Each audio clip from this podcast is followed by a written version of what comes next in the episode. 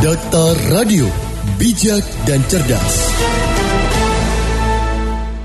Dan rekan-rekan kami akan berbagi informasi seperti yang kita ketahui, pencemaran terjadi di Teluk Jawa, di Laut Jawa tepatnya, uh, karena adanya pengeboran minyak lepas pantai yang dilakukan oleh PT Pertamina yang dilakukan dan akhirnya berdampak di wilayah Kabupaten Bekasi pula. Seperti apa sebenarnya kondisi terkini masyarakat Kabupaten Bekasi khususnya di pesisir akibat pencemaran ini?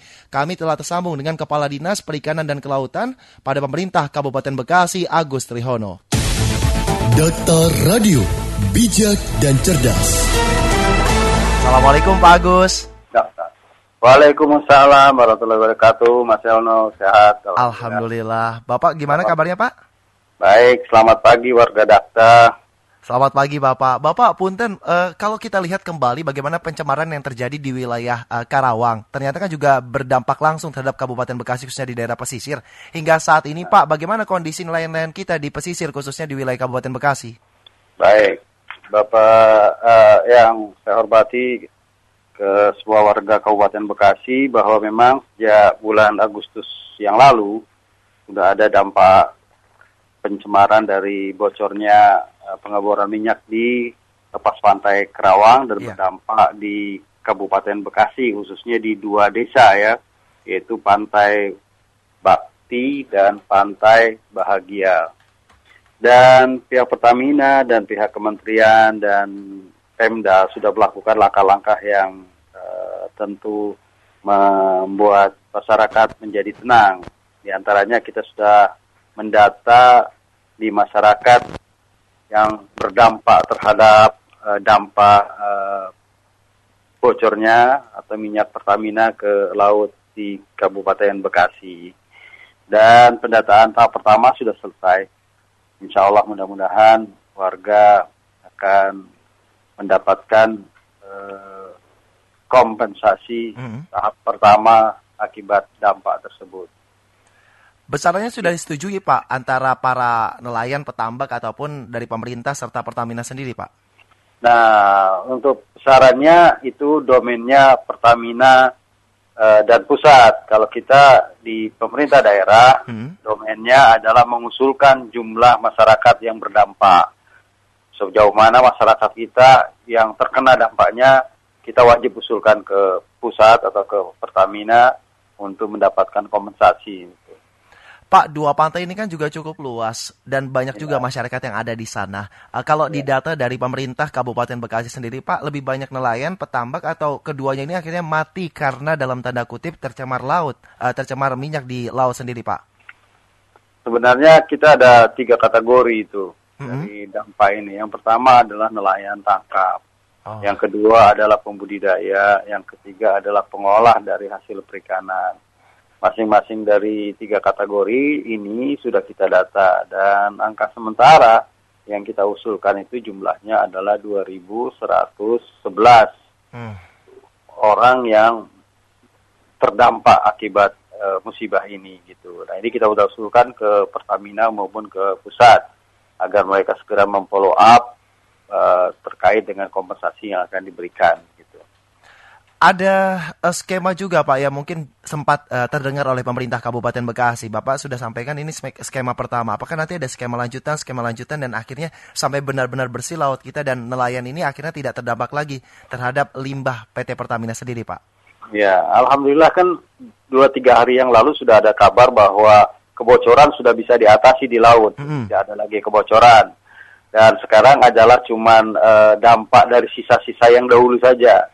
Dan sementara Pertamina juga sudah menggerakkan timnya dari mulai sebulan yang lalu bahkan dari bulan Juli untuk mengambil memungut uh, minyak-minyak yang ada di pantai-pantai dan mereka akan dikarungin kemudian diangkut oleh Pertamina.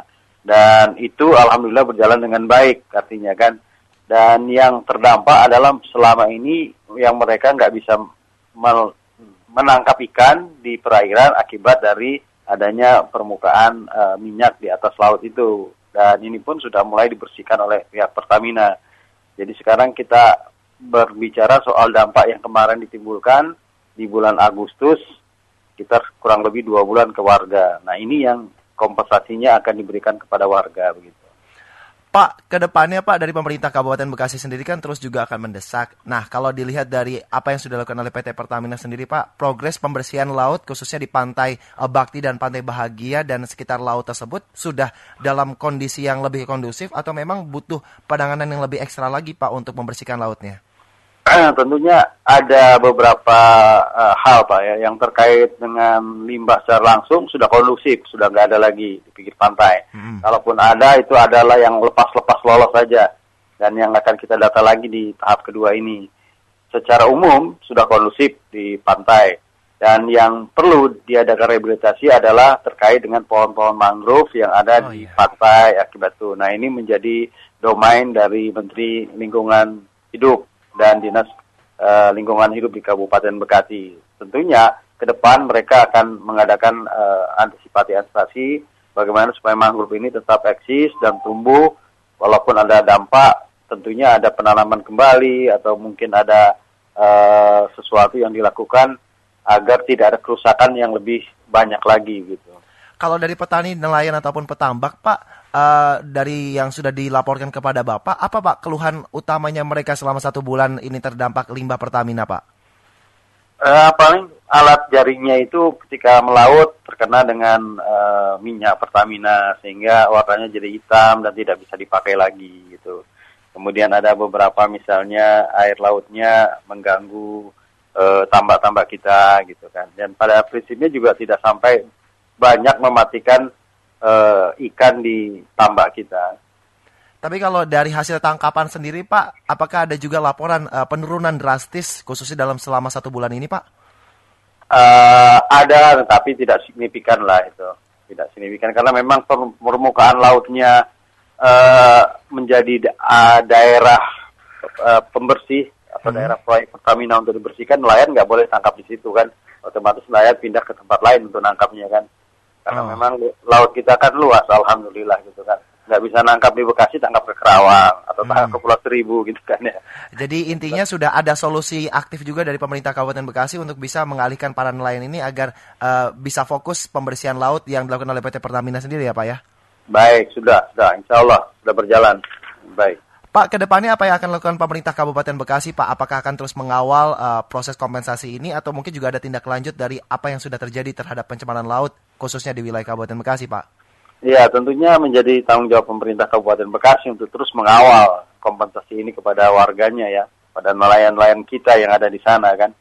Sejauh ini memang kita setelah selalu mengingatkan Pertamina untuk segera melakukan action pembayaran uh, dan mereka nanti akan menurunkan tim tim banknya ke Muara Gembong dalam bentuk mobil-mobil bank, mhm. kemudian mungkin menyerahkan tabungan dan ATM-nya bentuknya seperti itu kepada masyarakat. Jadi kita selalu membela masyarakat kita untuk tetap mendapatkan kompensasi. Yang kedua bahwa terjadinya dampak yang tidak langsung akibat itu terhadap mangrove, kemudian terhadap biota-biota, ini kita juga sudah bicarakan dengan Pertamina agar diadakan program ke depan untuk menyehatkan kembali pantai-pantai kita, muara-muara kita dari pencemaran akibat uh, soil tadi, akibat minyak tumpahan minyak tadi. Gitu. Baik. Pak Agus, terima kasih sudah berbincang bersama kami. Semoga ini juga bisa menjadi angin segar bagi masyarakat, khususnya para petani, uh, petambak ataupun para nelayan yang memang beraktivitas di pesisir pantai, khususnya di wilayah Muara Bakti ataupun di uh, Bahagia, tepatnya di Muara Gembong. Terima kasih Bapak. Assalamualaikum warahmatullahi wabarakatuh. Waalaikumsalam warahmatullahi wabarakatuh. Data Radio, bijak dan cerdas. Kepala Dinas Perikanan dan Kelautan pada pemerintah Kabupaten Bekasi Agus Trihono MP.